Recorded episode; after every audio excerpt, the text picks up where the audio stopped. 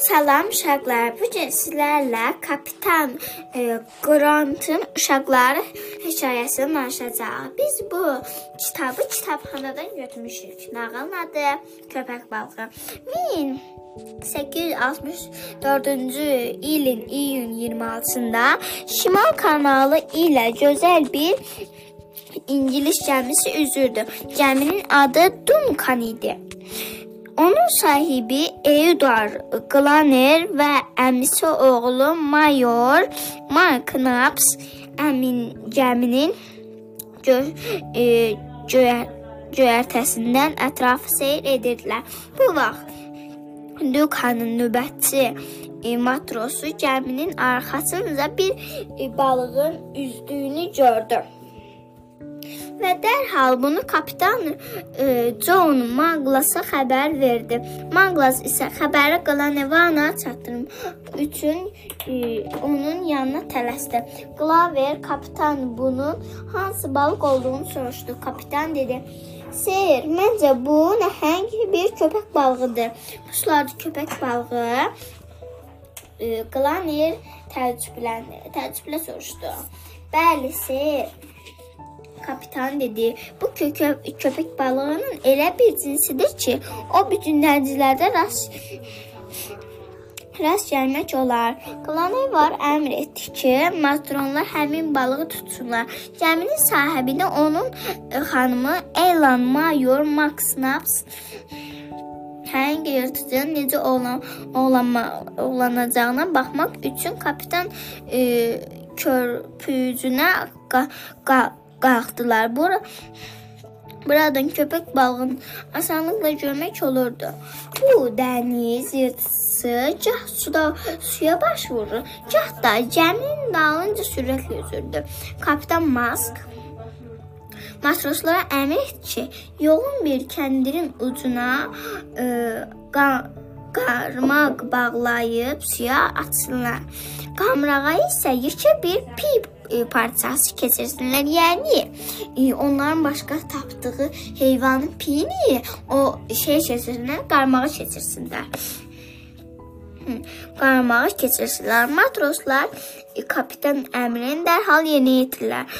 Çox keçmədi ki, piyin iynə duymuş köpək e, duymuş köpək balığı güllə kimi ona hücum ona sarı hücum etdi. Elə həmin andaca bir köpək balığının e, köpək balığının içi ağzında yox oldu. Balıq kəndiri e, dartan kimi öz özünü qarmağa keçirdi. Matroslar dərhal kəndir dartmağa başladılar. Dəniz yırtıcısı, yəni köpək balığı sudan çıxart çıxardılığı, çıxardılığını hiss edib dəhşətlə çırpındı. Ancaq təəccüblə mastronlar balığı dartıb gö göyərtəyə çıxartdılar. Göyərtəyə çıxartdılar. E, harda qalmışdı? Harda qalmışdı? Yavaş yavaş oxu da qızım matron deyirsən matros da. Dartıb göyərtəyə çıxara bildilər. Bəli. Balıq göyərtədə. Balıq göyərtədə e, göyərtədə sakitləşmək bilmirdi. Matroslar biri dərhal ona yaxınlaşdı və balta ilə balığın çırpınan quyruğunu üzdü, yəni kəsdi. Artıq köpək balığının heç bir qorxusu yox idi. Yəni o heç bir yerə gedə bilməzdi. Ax quyruğu kəsiblər. Gəmidəkilər ovlanmış balığın qarnını yarmağa başladılar. Əslində ovlanmış köpək balığın qarnını yarmaq qədim bir adət idi. Axı qarşılarına çıxan e, hər şey udan yırtıcıların qarnından ən gözlənilməz şeylər çıxa bilər. Matroslar Matroslar balığı tikə-tikə etməyə başladı. Elə bu vaxt matros matroslardan biri köpək balığının e, məd mədəsindən zorla gözü görünən əşyanı göstərib uca səslə dedi: "Bu nədir?" Kapitan köməkçi bu əşyanın e, şərəf şüşəsi olduğunu deyəndə əvvəlcə hamı təəccübləndi. Amma bir az diqqətlə baxandan sonra köməkçinin haqlı olduğu anla anladılar. Qlanver tapşırdı ki, şüşəni köpək balığının qarnından çıxartsınlar və yaxşıca yuyub e, kayuta gətirsinlər. Glanner və e, arvadı Elan, Mayor Max Naps və Con Max e, kayuta düşdülər. Yəni onların otağına. Az sonra kapitan köməkçisini ağzı ağzı bağlı şərəf şüşəsini qutuya gətirdi. Hamı şüşənin içindəki ilə maraqlanırdı. Qlan ver dedi. Darıxmayın əzizlərim. İndi biz onu açar, açar və içində nə olduğunu öz gözlərimizlə görəcəyik. Görək. Şən açmamışdan əvvəl gəmi sahibi onu çöldən diqqətlə nəzərə keçirdi. Əlində tutub keçirdi, nəzərə keçirdi. Amma şüşənin içi görünmədi. Görünmədiyindən ora orada nə olduğunu demək mümkün değildi. E, kayutdakılar nə qədər çalışsalar da şərəf şüşəsinin ağzını aça bilmədilər. Nəhayət onu sındırmaq məcbur oldular. Şüşənin divar divarlarına üç kağız parçası yapışdırılmışdı. Kağız parçaların ruba, ruba, ruba, rütubətdən saralmışdı.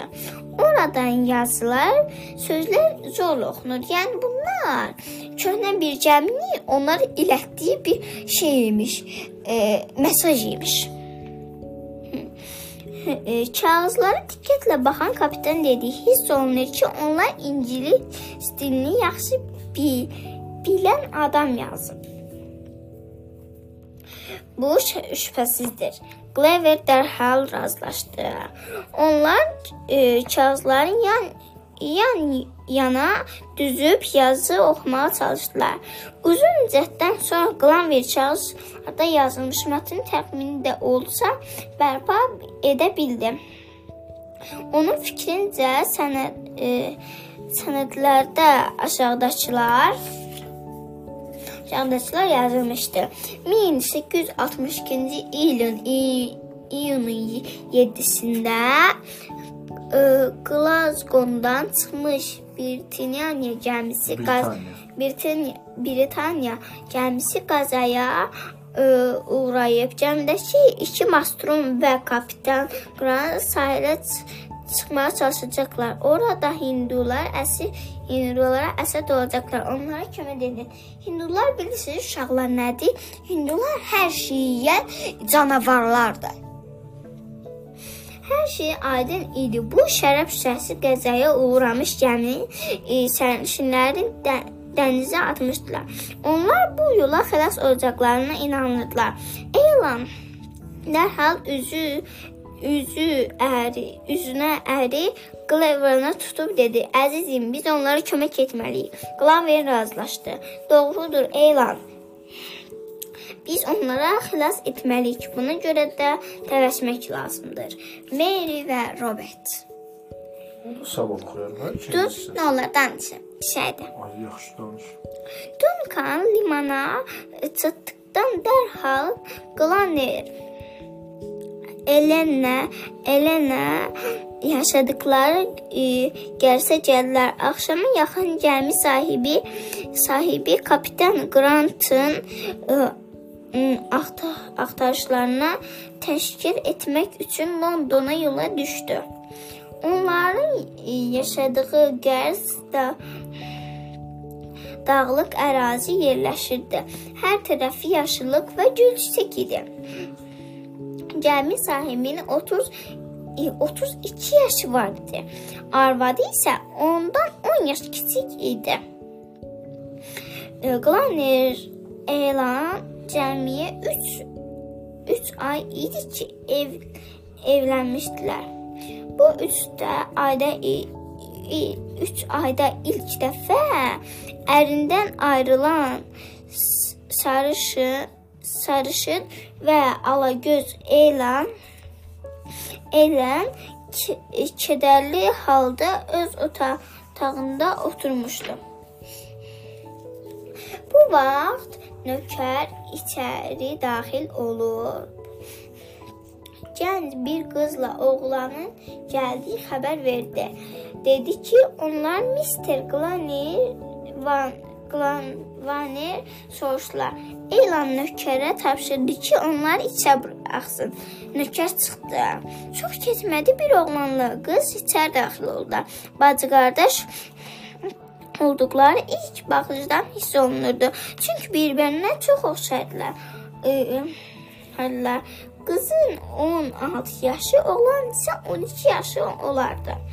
Onlar e, Ellenin qarşısında qarşısını dayandılar. Sizin mənə sözünüz var?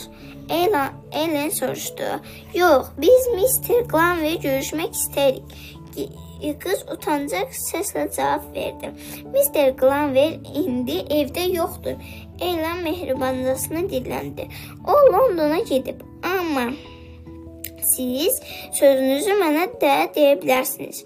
Əl-ələ tutmuş qız oğlan bir-birinin üzünə baxdı. Sonra qız yenə utancaq səslə soruşdu.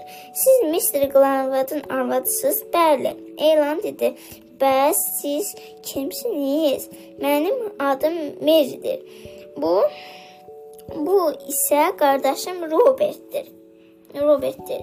Qız cavab verdi. Biz Britaniya gəmisinin kapitanı Grantın uşaqları. Bu itən Grant? Hə, onun uşaqlarıymış. Qa qəzetdən oxudu ki, Mr. Glanner atamızla bağlı sənədlər tapıb. E, Eylən qızı qucaqladı. Əzi əzizim Mary qəzet doğru yazıb. Bəs atam sağdır? Qız həyəcanla soruşdu. Bunu demək tezdir. Mary, elan amma ümidik ümidim, ümidimizi üzmə, üzməməliyik. Uşaqlar ağlamasından kimi oldular. Elan onlara təsəllik verməyə çalışdı. Gravel Londona gedib ki, orada lazım adamlar görsün və kapitan Grantı axtarıb tapmaq üçün e, hökumətdən kömək istəsin. O sabah qayıdacaq. Gəlin ümid edək ki, siz tezliklə atanıza qovuşacaqsınız. Elan bunu deyib uşaqlara bərk-bərk qoy e, qoynuna sıxdı. Həmin gecəni Mary və Robert Elengildə qaldılar. Onlar Glaverin Londondan hansı xəbərlə qayıdacağını səbirsizlə gözləyəcəklər. Burada nağılımız bitdi. Kapitan Grantın uşaqları olardı da, demək. Hə, onlardan Robert. Deyib daha şəkillər. Hə, şəklər də var nağılda. Uşaqlar, indi biz kitabımızın sonuna çatmadıq. Hekayəmiz başlayır. Hekayə e, bitdi də, hekayəmiz bitdi. Şey, hekayə hekayəmizin əvvəlindəki balaca hekayələr. Hə, on, onlardan danışdıq. İndi sabah sizə təkrar belə nağılları danışacağıq. Bu kitabdakı nağıllar danışacağıq. Sağ olun.